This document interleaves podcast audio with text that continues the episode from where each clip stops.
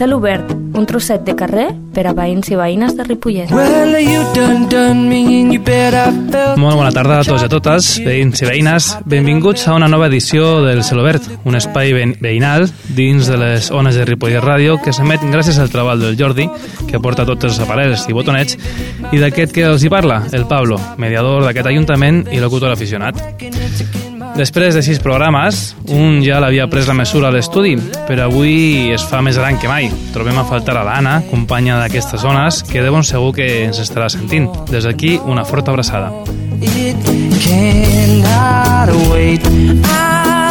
De seguida, unes recomanacions, de toc d'anuncis, una passejada en skate o patinete i al carrer amb la gent activa. Som-hi!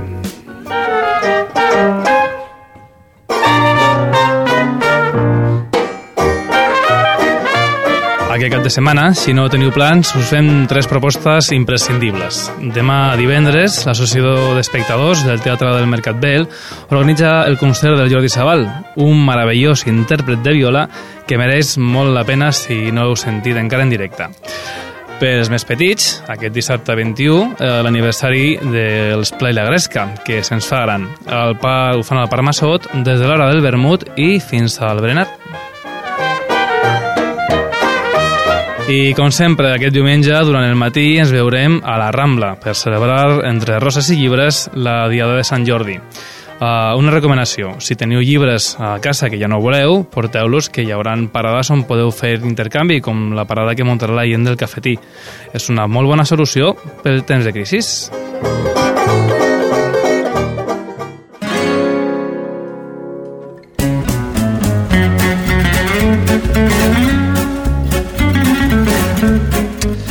Si bé ja fa dies que varem abordar el tema de l'espai públic i el seu ús, avui tornem a tocar el tema des d'una altra perspectiva.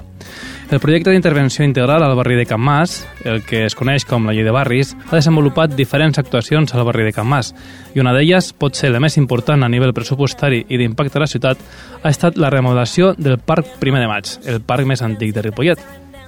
Aquesta obra, que ens ha tingut una part del barri patas arriba durant un temps, ja la tenim gairebé finalitzada i juntament amb els nous accessos, el nou mobiliari i la nova distribució ha aparegut un element que crida molt l'atenció a qui ho descobreix. Alguns li diuen la piscina, altres el forat o el pou, però es tracta d'un skatepark, un equipament per la pràctica de l'skate, un esport cada vegada més estès que no deixa indiferent gairebé ningú.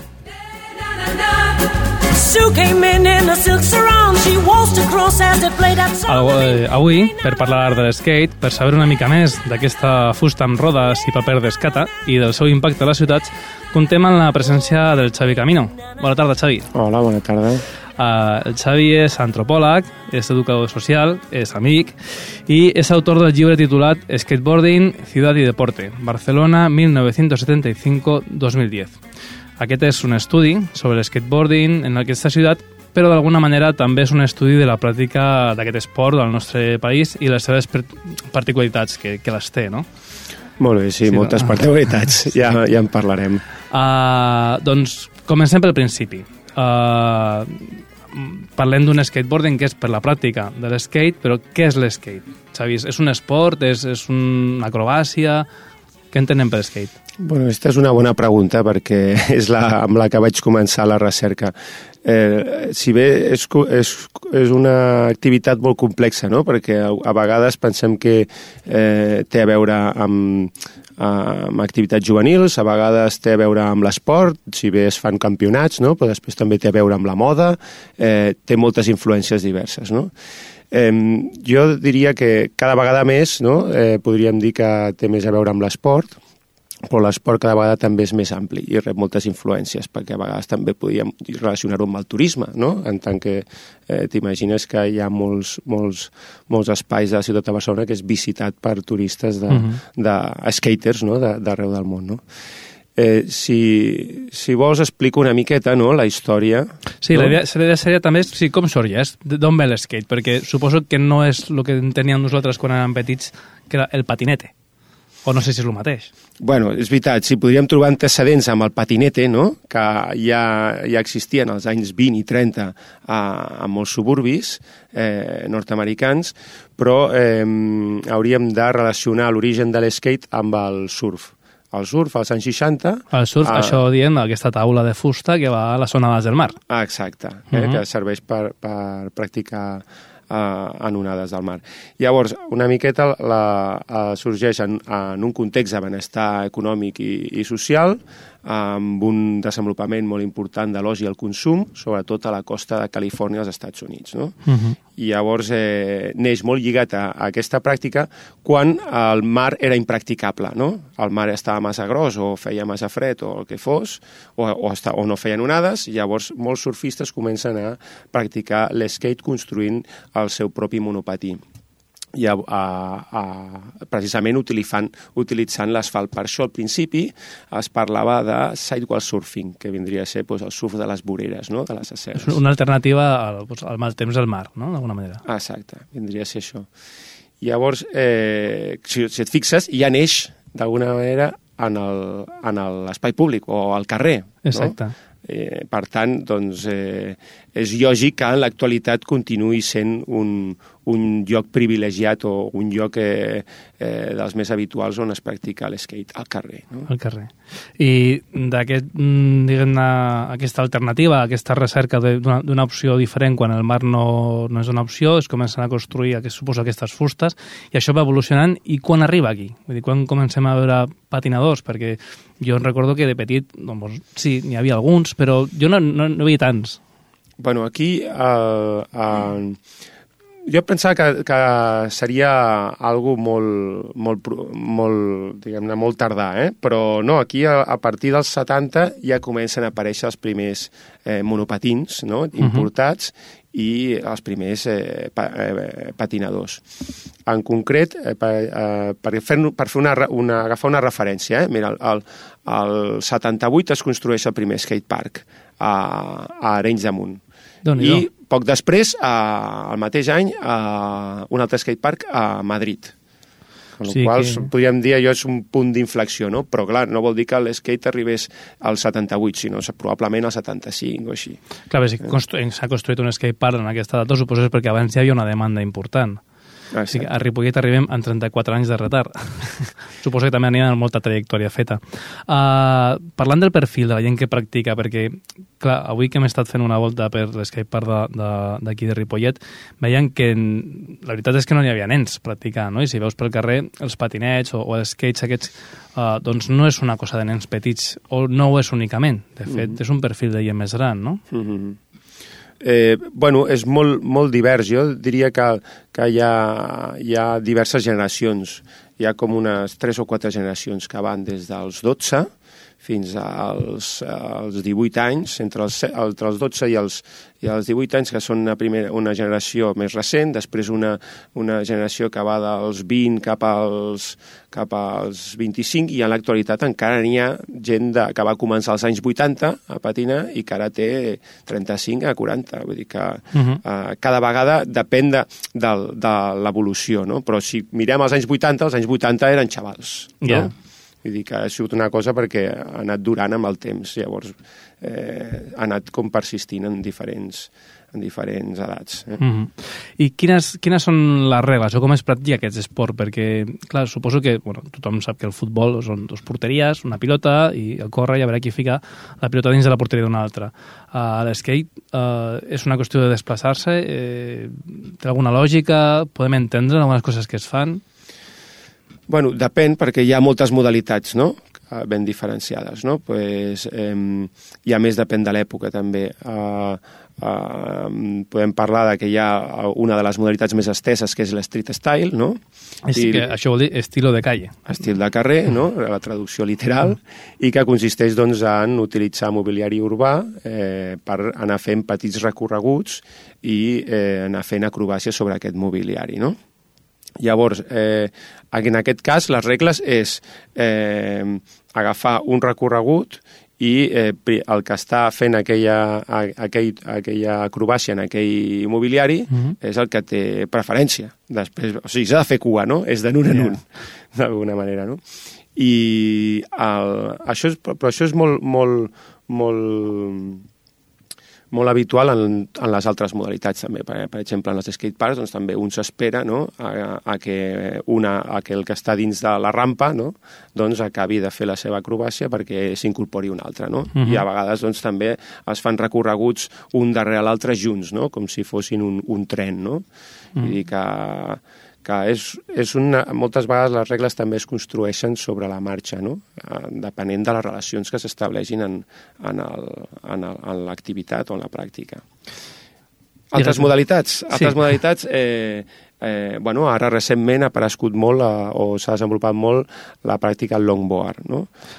que Que això- recupera no? eh, una modalitat dels anys 70 i 80 que consistia doncs, en baixar eh, ports de muntanya per la carretera i agafar velocitats, no? a la màxima velocitat amb el monopatí. No? Però també es fa servir per passejar no? I, com a, i com a medi de transport. I, I això que tenim a Ripollet, aquest mm, skatepark o aquest bowling, o no, sé com... Quina és la Oh. millor manera de, de, de parlar Bueno, d'això? dir com vulguis, eh? però potser el que més eh, s'acostuma a dir és que és una pool, no? Una pool. Una piscina. És una piscina no? en anglès. No? Exacte, que s'utilitza molt la terminologia anglesa, no? Uh, el, la pool, mira, és interessant perquè la, la pool té un, un, com un mite fundacional als anys 70 als Estats Units. Eh, prové de, de... El mite explica que als anys 70 principis dels 70 va haver una sequia, una sequera molt, molt important a tota la zona, a l'àrea de Califòrnia, i és una zona on hi ha una... La majoria de piscines tenen una construcció que adquireix la profunditat eh, evitant els angles rectes, de manera que la profunditat és com una, Una corba, corba, no? uh-huh. que fa com una transició del pla a la paret mitjançant la corba. No? I llavors, eh, com que hi havia aquesta sequera, doncs moltes piscines eh, Estaven buides. estaven buides i van començar a utilitzar-les alguns skaters per imitar aquesta idea de la onada no? del, del, del sidewall surfing. No? I aquest és el mite originari. No? Eh, el, que, el que coincideix, és possible que hi hagués una sequera en aquella època, en aquell any, no? el 70, però el que coincideix és que entrem en una crisi important econòmica a nivell global i tota aquella àrea que havia estat destinada a l'oci eh, i al turisme, hotels, eh, parcs d'atraccions, etc, estava plena de piscines i entren en un procés de decadència. Llavors, aquells espais abandonats comencen a, convertir-se en punts de trobada per a molts d'aquests joves que patinen, no? I mira, justament va molt bé això que dius de punts de trobada, perquè suposo que la, la, la instal·lació d'un skatepark, uh, com pot ser el municipi de Ripollet, uh, genera uns canvis, genera una situació diferent d'alguna manera, no? Suposo que, que afecta perquè vindrà gent, bueno, de fet ho estem veient, no? Hi ha gent d'altres municipis, d'altres ciutats que venen a patinar aquí. Uh, deies abans, no?, que hi ha un turisme skater, i que potser canvia la identitat de la ciutat, no?, d'alguna manera. Bueno, mm, no sé fins a quin punt pot arribar a canviar una identitat de- d'un- d'una ciutat, no? Potser d'un determinat eh, eh, espai en Mhm. concret, potser sí. Eh, però el que sí que hem de començar a pensar és que eh, cada vegada me, més estem menys lligats als territoris i les activitats que fem són múltiples i utilitzem molts espais diferents. No? I en aquest cas l'skate és, és un exemple. Eh, a un skater eh, de Barcelona doncs, o de qualsevol altra eh, població propera doncs, té tota una geografia al cap dels llocs on pot anar a patinar els caps de setmana, per exemple, eh, per dir-ho, o, o entre setmana. I això eh, vol dir que, que abarca una gran, un, un gran territori, dir, que experimenta una gran mobilitat, perquè volen conèixer diferents skateparks. Mm -hmm. Llavors, normalment, doncs, és possible que hi hagi un grup que, que sigui l'usuari habitual d'aquell skatepark, però eh, aquest skatepark rebrà skaters d'altres llocs de la ciutat. És a dir, que ja no podem pensar, no, jo faig l'skatepark per als, per als meus eh, veïns mm -hmm. o per als meus ciutadans. No, ja s'ha de pensar en instal·lacions a, a escala metropolitana i a vegades fins i tot a escala extrametropolitana, regional o fins i tot estrangera, com a, a nivell internacional, no?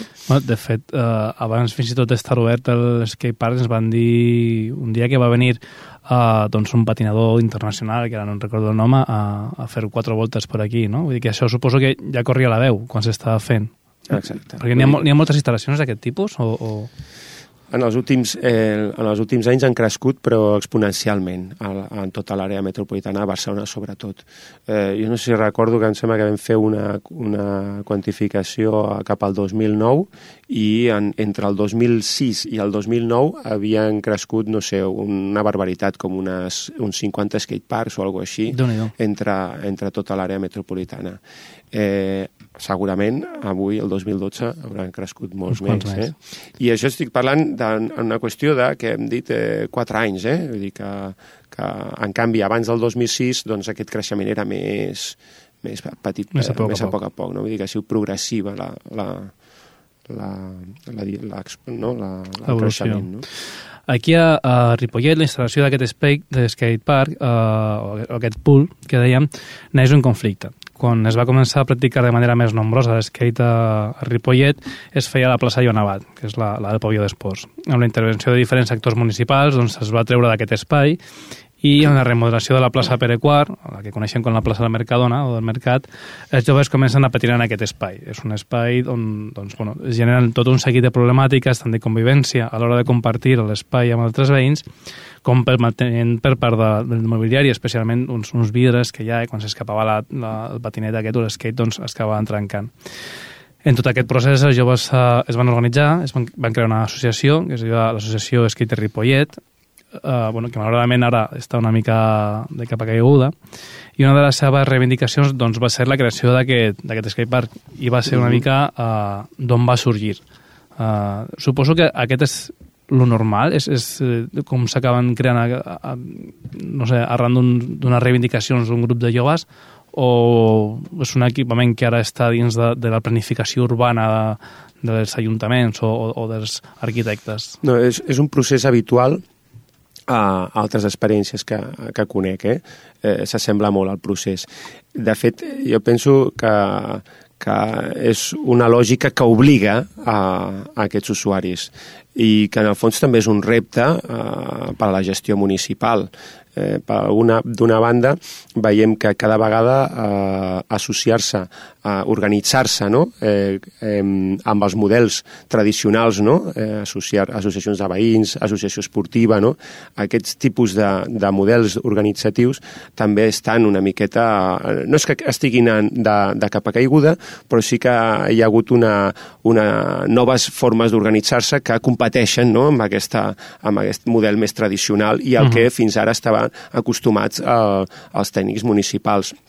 Llavors, de, des de la meva perspectiva, a mi el que em sembla és que eh, representa un repte per a molts tècnics municipals que poder incorporar aquestes noves formes d'organització, perquè, clar, hauríem de preguntar-nos, hem d'incorporar eh, a aquestes formes d'organització com a nous models de ciutadania? Són ciutadans o són ciutadans? No? Mhm. Vull dir que podria ser una, un punt de partida, no? perquè com que estem sempre acostumats a, un, a aquest model tradicional de l'associació, llavors el tècnic diu, hòstia, és que hauríeu de fer una associació Clar. eh, per, per poder reivindicar un espai per vosaltres. Hòstia, és que heu de fer un, un club esportiu per poder tenir un espai per vosaltres per dedicar-vos a l'esport i demostrar que és un esport, no? Dir que és, un, és una situació eh, complexa. Tot i així, el, el, els eh, conflictes que en conec en relació a l'skate són pocs i molt comptats, no? Mm. llocs molt concrets en que eh, hi ha una diversitat d'usuaris i, per tant, eh, hi ha un, un, una lluita hi ha espai, com per Ah. exemple el MACBA, no? Mm. que és el, el lloc eh, eh, típic d'aquest conflicte. Ara, ara, ara ens expliques, perquè justament això que, que feia referència, no? dues coses, do, dues reflexions. De quina manera eh, doncs, aquests joves skaters, no? que, que dius que ja no pertanyen únicament a un territori, sinó que és una cosa molt àmplia, no? I, i que hi ha una geografia en el seu cap que té a veure amb espais de, de, de trobada on patinar i no Mhm. pas a- amb un vincle amb un municipi. Aquesta manera d'organitzar-se mitjançant les xarxes socials, que de vegades no es ve reflectida en l'administració i que d'alguna manera les, les, admi- les administracions perdó, hem de fer un pas endavant per, per superar aquests passos burocràtics, no? aquesta necessitat de modernització que sembla que és una reflexió, una reflexió molt important i que a Ripollet doncs, hauran d'aprendre, no? d'alguna manera. I després, respecte a que això que ja, ja incorpores, ja anem a tractar aquest tema, eh, respecte als conflictes que, que genera, perquè clar, gairebé totes les ordenances de convivència que jo conec, eh, i aquí a Ripollet tenim una, sancionen la pràctica de l'skate fora d'uns espais concrets. De fet, eh, bueno, com hem vist, no, l'skate park de Ripollet es genera arran de la prohibició de, de la pràctica de l'skate en segons quins espais eh, i això va acabant, van movent els, els xavals o la gent que practica l'skate a diferents punts i acaba construint-se aquest. Suposo que aquesta prohibició genera una mobilitat i genera certes coses en moviment skate, no? Eh, sí, clar, evidentment, no? Vull dir, el, el, el moment de prohibir... És que ara estava pensant, quan preguntaves això, precisament la situació en la que ens trobem amb Ripollet, no? Que eh, aquesta reivindicació permet fer un, una, una pool, no? Quan en realitat el que estaven practicant eh, els skaters que generaven un conflicte era street style. I la Mhm. pool no té res a veure amb street style. No vol dir que, que un skater, eh, que els skaters que practiquin pool no, No practiquen practiquin l'altre. street style, eh? no vull dir això. Però sí que eh, el més probable és que practiquin les dues coses. Els que practiquin una pool no vol dir que deixin de practicar street style. Que els hi poseu una pool no vol dir que, que renunciïn a practicar eh, al carrer amb el mobiliari. No? Uh -huh. Mm, jo penso que uh, hi ha experiències i que són i que poden arribar a extrapolar-se o, o, o, experimentar, o experimentar no? com a models amb, amb noves situacions de conflicte, de, de generar situacions en les que es pugui resoldre els conflictes entre ells mateixos, entre diferents usuaris. Perquè clar, la forma d'entendre l'espai és antagònica entre els skaters i altres usuaris o pot ser complementària respecte a això que estàs comentant, no? Precisament, jo, jo penso que el, eh, eh, és arrel de, de la trobada... Del, mira, un, un exemple que ho, ho, ho il·lustrarà més bé, no? D'algunes recerques que vam d'una recerca en la que vaig participar, en la que em, observàvem, eh, estudiàvem i analitzàvem eh, com es desenvolupava l'esport en, en diferents espais públics i analitzàvem el, els casos de conflicte i els casos d'intercanvi entre diferents grups. Eh, vam veure que de tota la mostra que vam analitzar, que comprenien uns 30 espais, i que feien referència a uns 2.000, unes 2.200 persones eh, usuàries esportives d'aquests espais i esports molt diversos, eh, des de l'skate fins a, fins a, no sé, fins al vòlei, etc. No? Eh, vam veure que, evidentment, eh, les relacions són processos, no? I que eh, moltes vegades, eh, abans de que hi hagués un conflicte, hi havia hagut un, una relació d'intercanvi i després del conflicte una situació de tolerància. És a dir, que volia dir, i la majoria eren de tolerància, la majoria de casos. La major, mol, molts havien, havia hagut un 50% de conflictes, Uh -huh. de casos, de tots els casos un 50% de conflictes, però la majoria s'havien resolt i havien arribat a una situació de tolerància. I només un 1,5% d'aquell cinc- d'aquell 50% de conflictes eh, era, havia sigut necessari la intervenció eh, municipal per fer d'àrbit. Què vol dir això? Que l'opinió pública, que els diaris, eh, el que agafen normalment, eh, o el que acaba generant és visibilitzar Mm. una situació de conflicte que generalitza. I és una miqueta el que ha succeït amb la- amb l'skate a la ciutat de Barcelona. Hi ha dos o tres llocs a la ciutat de Barcelona que generen conflicte. I eh, es patina a tot arreu no? Mhm. de la ciutat. Pots explicar-nos una mica perquè, bueno, perquè no sàpiguen, doncs, bé, en aquest llibre que has escrit, no?, de, de, és que Barcelona uh, Ciutat, i, Ciutat i Deporte, expliques una mica doncs, l'evolució de diferents eh, espais, no?, i poses di- eh, exemples molt concrets uh, respecte de com s'han resolt aquests conflictes perquè s'han donat, vull dir, però hi ha hagut moltes maneres. Eh? Explicaves un cas a Melbourne, a Austràlia, a Londres o, o aquí a Barcelona, no? Pots explicar una mica les diferents situacions conflictives i, i com es resolien, no?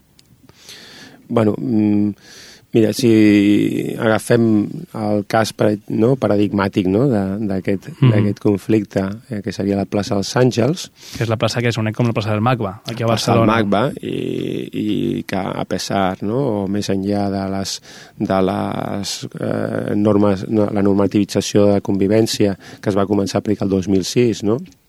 i que eh, doncs, eh, eh, ha fet que hi hagin, doncs, bueno, doncs es facin moltes sancions i de tant en tant hi hagi unes redades a, al, al territori no? eh, uh Mhm. -huh. d'escates i, es, i es posin sancions al territori, a l'espai es continua patinant, no? Vull dir que no hi ha hagut, a, pe- a pesar d'aquesta eh, regularització, no?, o, o persecució, no?, podríem Mhm. dir, eh, amb la llei no es resol la, el, la problemàtica si es planteja una Si problemàtica, no? es, es dir. Ah, en canvi, eh, mm, una cosa que es va fer molt interessant és estudiar quins eren els punts de conflicte més importants. I es va veure que a la zona central, que era per on, per on passava el flux, o sigui, precisament en aquell territori el, el, que, és, el que succeeix, eh, sabem que és un lloc molt complex, Uh -huh. en el que hi ha diferents eh, perfils d'usuaris. Penseu que hi ha els, els, Els veïns, els sí, veïns barri. habituals, famílies que venen, els pares que venen a buscar els nanos de l'escola de, de, que hi ha a la plaça, els usuaris del FAT i, de la, i del museu, els turistes, els usuaris a nivell de ciutat que venen atrets per l'oci nocturn o pel, o pel comerç, etc. Hi ha sense sostre que, que, que Hi ha passa gent sense sostre que, que viuen allà. Eh, a més de veïns, hi ha una diversitat de veïns també, Mm. no? que en certa manera també hi ha relacions de dualitat entre nous immigrants, eh, en, eh, població nova que s'ha instal·lat fa poc, no? de classes benestants, o, o eh, gent autòctona que ha viscut tota la vida allà. No? Vull dir que hi ha també una diversitat veïnal. Eh, I a més, eh, urbanísticament és un espai mm, molt... Eh, és dels pocs espais oberts que hi ha al nord del No, Raval. són els Raval, sí. I a més a més eh, està com integrat totalment a la trama urbana, no està segregat per cap eh, via de, de comunicació de cotxes. Això genera que hi hagi molt flux de gent que passa per allà i tal. Llavors, observant els circuits que feia la gent, no? que, eh, que hi ha una, una zona mm, diagonal, podríem dir, eh, que passa pel mig i que és per on passa la majoria de gent, i, eh, i és el, el lloc just, hi ha una zona que just és on, on hi ha el conflicte major amb els, amb els skaters, que és un salt que va d'una part alta Mm, de on l'entrada està, on no? està l'entrada del magma i que al fer el salt cau just per on passa tota aquesta gent. Doncs eh, es podria haver resolt eh, doncs, posant skate stoppers, Que això que són, és? un, són unes, unes, uns elements de diferents materials, de matar i d'altres materials de pedra i tal, que impedeixen el, el lliscament dels, dels monopatins sobre el, els llocs que són sí. susceptibles no? per Mhm. patinar. I en aquest cas el que es va, el que es va fer, es va decidir doncs, aixecar un petit mur a sobre de, en el lloc aquest on es generava el salt per impedir que els skaters doncs, caiguessin a sobre dels, dels vianants. I d'aquesta manera ha generat un nou circuit que el, la majoria de skaters el que fan és pujar-se a aquell mur i lliscar-lo per sobre Mhm. i tornar a, a caure a cap endarrere en comptes de tirar cap endavant, que és per on passava els, els vianants. Això no vol dir que de tant en tant algun agosarat doncs, Clar. faci el salt, no? però ja són menys i és més fàcil gestionar un conflicte puntual que no un conflicte boom, reiteratiu. És a dir, que a més a més, sense cap mena d'intervenció sancionadora i d'una manera més o menys pactada s'ha pogut fer, perquè també, a més a més, amb el tema d'horaris s'havia pactat alguna cosa amb la direcció del museu, no?, d'alguna manera. A part, tenim una experiència interessant, precisament, aquesta que expliques, que eh, el, el Museu del MACBA va pactar amb els, amb els skaters habituals eh, del, del, de la plaça Uh -huh. que, eh, això el 2002 estic parlant, eh? vull dir, fa bastant, ja fa 10 anys. 10 anys. eh, quan els, els, el MACBA començaven a rebre queixes dels usuaris del MACBA que, hosti, que cada vegada que creuem cap aquí doncs ens fa por que se'ns tirin a sobre i tal. Doncs, bueno, es van arribar a pactar, a dir, mira, fins que el museu està, està obert, fins a les 7 de la tarda, no es pot patinar a les, a les immediacions, diguem-ne, de, del, del museu, pròxima. A la zona més pròxima de l'entrada i de la rampa, i en canvi tota la zona de baix, que pertany a l'espai a, a l'espai públic de, de la ciutat, de l'Ajuntament, quan el 2002 encara no existien les ordenances municipals i es Mhm. permetia eh, Patinar. patinar eh, amb el monopatí, doncs eh, es podia patinar, no? Llavors, a partir de les 7, doncs, els, els skaters doncs, podien utilitzar la part de dalt, no? Uh -huh. algun despistat pues, eh, o algun Sempre turista nou que no ho sap doncs era avisat pels habituals o era avisat pel, pels mateixos guardes de seguretat. Llavors, aquí a Ripollet, eh, que ja has vist una mica la instal·lació, que hem fet un passeig per la zona de l'Sky Park, quins conflictes podem tenir o com podíem preveure?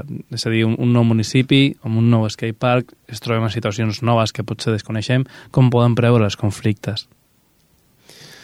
Bueno, jo no sóc, no, no sóc gaire bo fent pronòstics, eh? o sigui, mirar cap Però al futur em costa consell. més, analitzo més el present i el passat.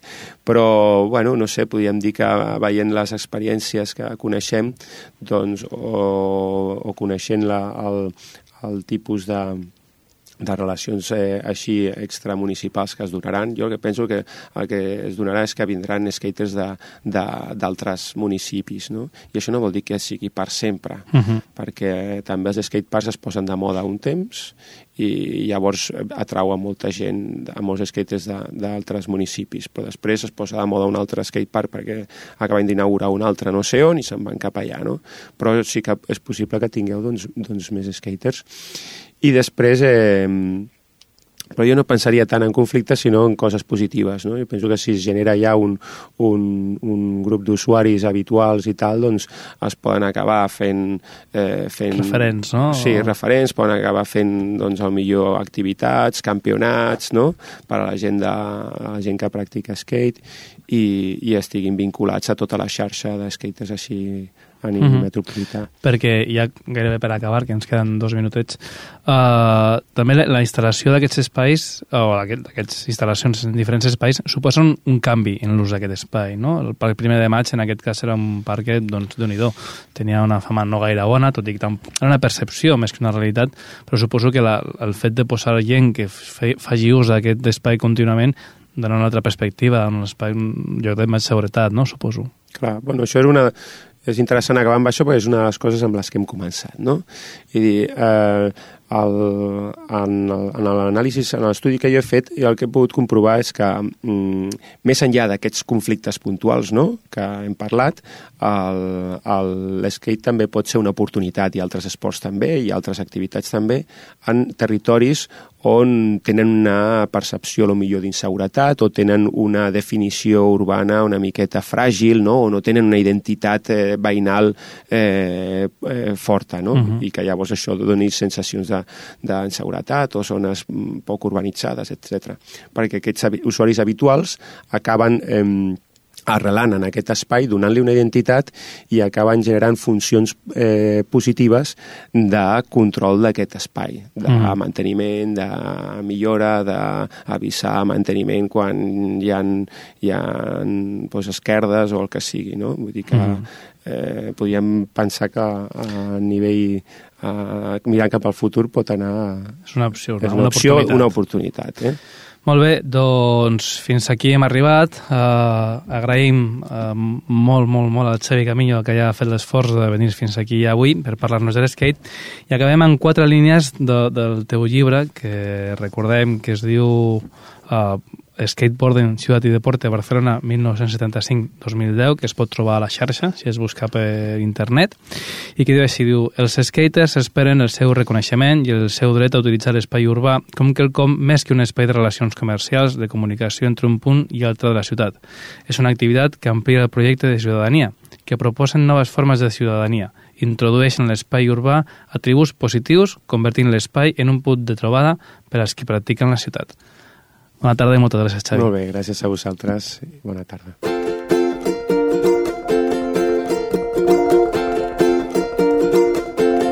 Seja feliz com seu país. Seja feliz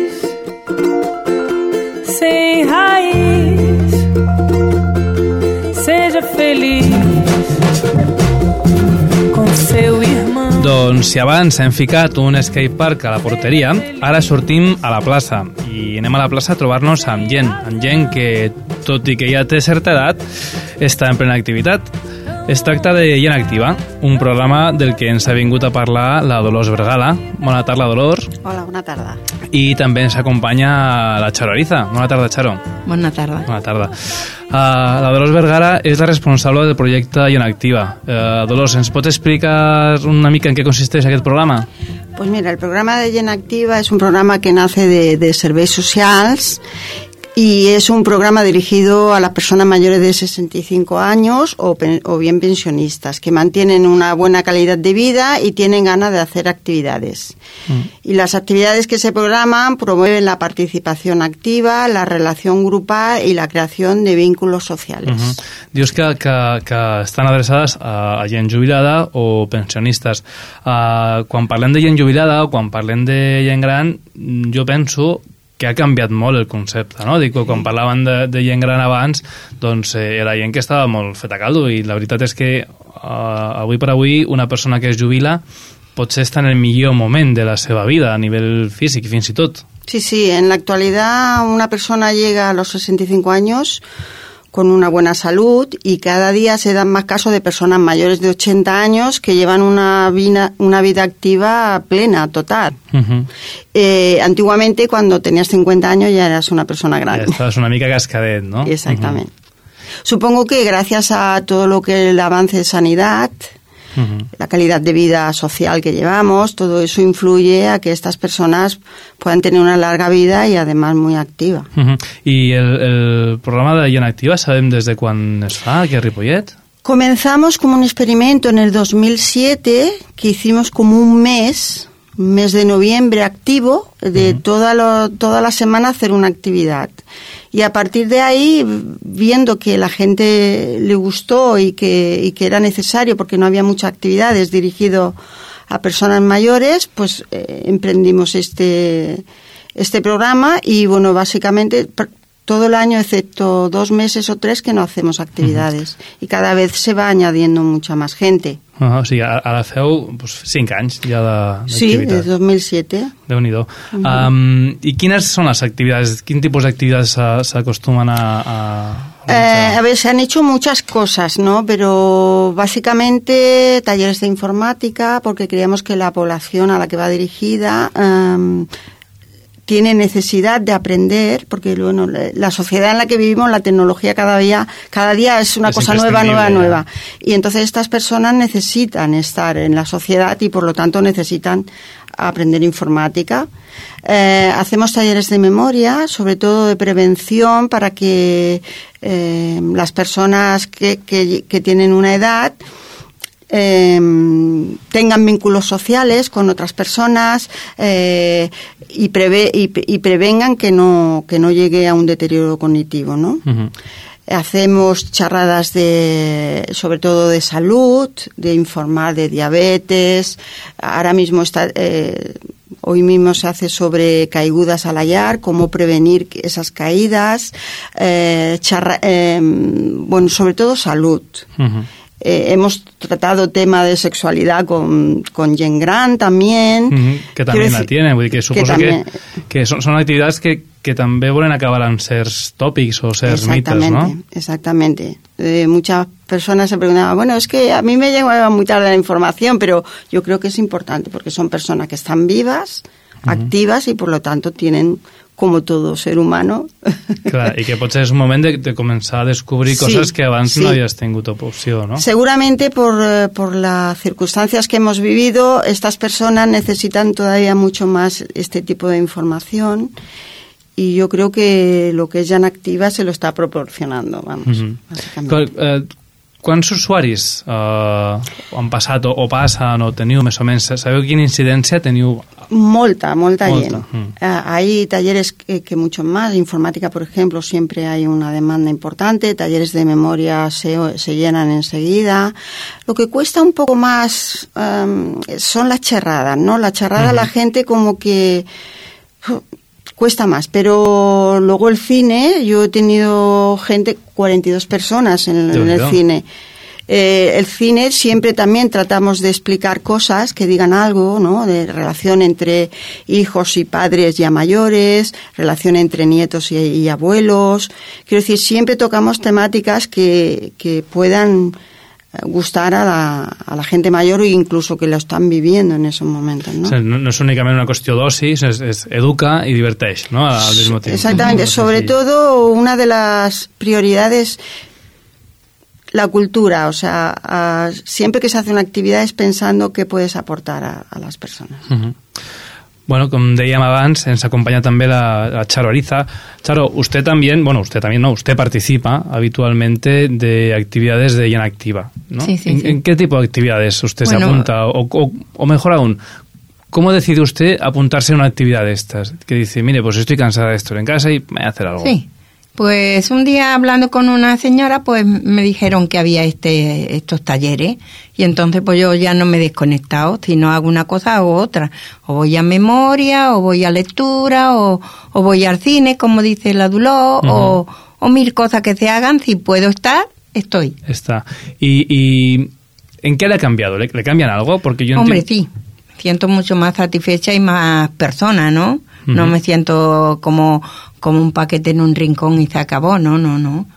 Porque le aporta cosas, supongo. Hombre, y tan. Voy al Mm. colegio también. O sea que. Ya, porque usted, en su momento, yo imagino que las personas que tienen ya cierta edad eh, no tuvo en su momento una oportunidad, ¿no? De, de- No. de estudiar o de, de disfrutar la vida, pues como lo hemos Más hecho los activa. jóvenes ahora, ¿no? Sí, sí, sí. No, no la tenía, no tenía la Ajá. oportunidad. También voy al colegio y, y bueno, intento de llenar la vida pues para no caer ni en tristeza ni en tonterías de estas. No tengo tiempo para caer, pero bueno, tampoco yo la dejo que venga. ¿Y, y cómo recomendaría usted a alguien que nos esté escuchando? Una persona pues de cierta edad, que está en casa... porque intente de comunicarte con los talleres y con toda esta actividad que hay para primero que te enriquece más y segundo para sentirse más llena y así no tiene que, que estar tan triste en casa. Yo pienso, ahora, no sé. ¿Y, y en casa qué le dicen a usted? Ah, no, muy bien, muy bien. Bien. Muy bien, yo dicen, solo... ¿Dónde, se mete usted? ¿Dónde se mete usted, Charo? no, no, no. Yo tengo un hijo que lo que hace es eh, incitarme para que vaya aquí, vaya allí, eh, para él que tengo que estar en todos lados. No, no, sí. Ujú. No tengo problema en esto. Dolors, veieu una mica el, el canvi de les persones quan comencen a participar en aquests tallers i quan ja porten un temps? El canvi de com arriben a... continuen? Sí. Al comienzo las personas piensan, "Y, ostras, ¿qué hago yo aquí? ¿no? Y cuando ven que, que comparten, por ejemplo, yo que llevo, dirijo los talleres de memoria, la gente al principio viene con un poco de vergüenza, con un poco de decir, "Ostras, ¿qué hago yo aquí? Y yo estoy perdiendo la memoria, me pasa esto, me pasa lo otro. Y luego lo que, al final las conclusiones que se llegan es que todos más o menos tienen las mismas deficiencias, ¿no? Y a la hora de relacionarse y de explicar lo que les pasa, pues ven que, que, que le pasa a todo el mundo y que no es lo más normal. Entonces, eh, yo creo que sí, que yo, la experiencia que tengo es de que se van muy enriquecidos y que quieren volver y que vuelven y que lo piden. Y tan, y tan. Porque ima- imagino que, claro, e- ese aspecto de relación es, es importante, ¿no? No sé, supongo que la, la gente de cierta edad, eh, eso de mantener las amistades no siempre es fácil. No, no, no es fácil, no. Mm. Porque te mueve en un mundo en otro, en un- unas cosas diferentes y, a lo mejor la amistad pues no va al mismo ritmo tuyo o- Ujú. y encuentra otras amistades también en los grupos y sé. Sí, la, la, les obligacions nos llevan a ciertas coses que nos encontramos un poco solos Sí. i potser aquests tipus d'activitats ens donen una opció de tornar a Claro, relacionar-nos, claro, no? Claro. Cuando te- vi- vivimos varias etapas en la vida, ¿no? Y cuando somos adultos, tenemos los hijos, nos relacionamos en función de los hijos, las amistades, todo esto, ¿no? Y al final, los hijos marchan, los amigos mueren, el- la pareja fallece y te encuentras solo. Entonces, estas cosas han de servir y sirven para en- reencontrarse con otra gente que luego pueden hacer cosas conjuntas, no solo llena activa, muchas más cosas. Uh, he llegit també, mirant una mica el, el, algunes coses de Gent Activa, buscant informació, que heu fet alguna cosa amb, que es diu Fent Salut. Sí. No? Pots explicar una mica què és això de Fent Salut? Lo de Fen Salud, yo cuando empecé a hacer la programación pensé que sería interesante hacer una actividad de caminar, que ya hace, la gente mayor hace mucha actividad esportiva, ¿eh? en, el, Sí. en el poliesportivo va mu- mucha, mucha, mucha gente mayor. Pero digo, pensé, bueno, pues sería interesante, además de caminar, em, conocer los diferentes sitios donde hay gim- eh, equipos de gimnasia, ¿no? En el, en Però que pinetons... Aquestes entonces- coses de, de, de la Sí, gimnasia es- gerontològica, no? Sí, Aquestes aparells, sí, on sí, puc sí. pedalejar Sí, o puc moure el sí. braç... Uh -huh. Pues entonces hacemos una ruta en función de dónde están esos aparellos y, eh, y luego vendrán una persona y explicará un poco cómo poder utilizarlos tú de una forma sin ir con alguien. Si individualmente tú vas allí y cómo saber utilizarlos.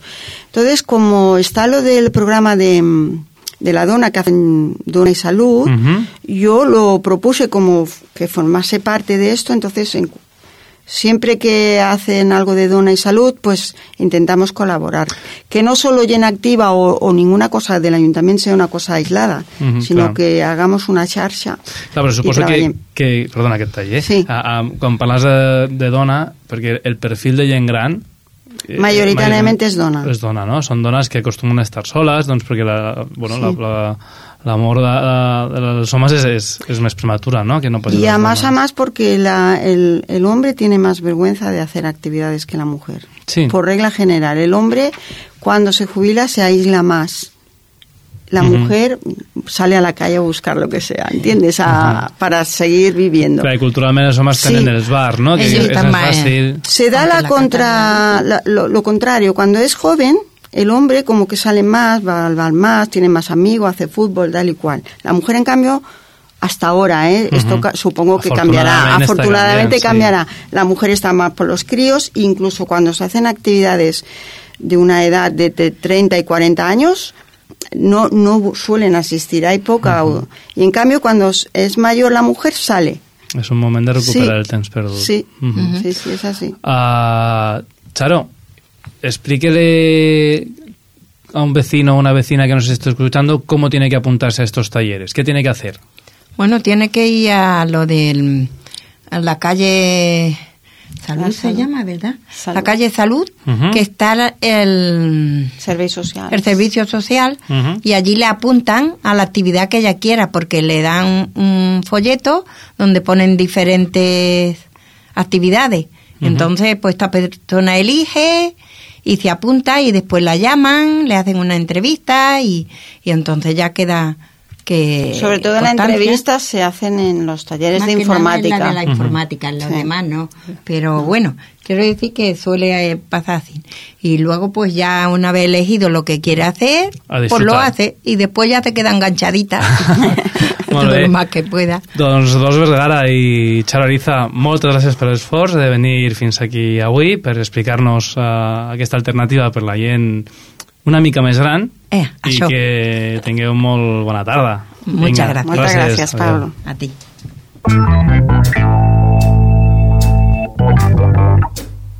I can change the world with my own two hands, make a better place. With my Doncs fins aquí hem arribat amb el cel obert d'avui. Uh, recordem que podeu enviar els vostres suggeriments a mediació arroba ripollem.cat i que si voleu tornar a sentir el programa doncs ho podeu fer en, en el diumenge a l'hora del vermut o en la secció de Ràdio La Carta de Ripollet Ràdio, www.ripolletradio.cat. Feu un clic al, al cel obert. Ens tornarem a trobar el proper dijous, 17 de maig, a les 8, i us abans de sopar.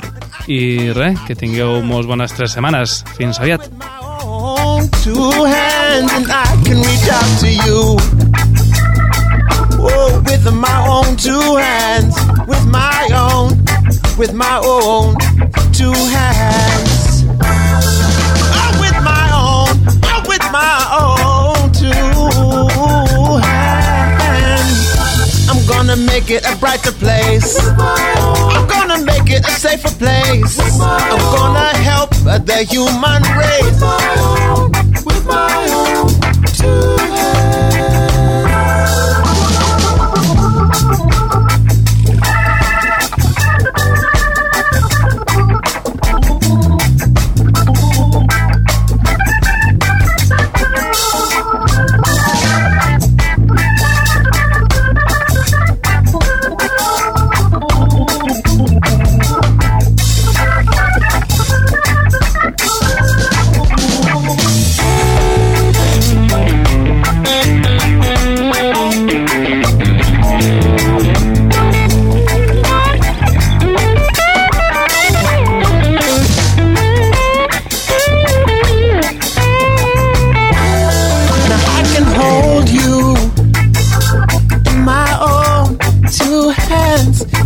can comfort you with my own two hands, but you got to use use your own two hands.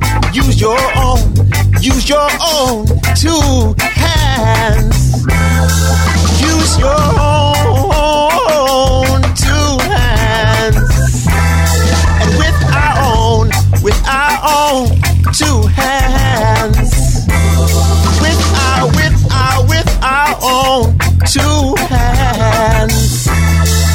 with my own, with my own two hands.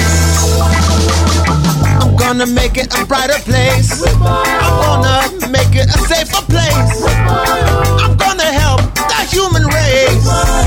Oh, make it a brighter place. I can hold you and I comfort you, but you got to, got to, got to, got to. Got to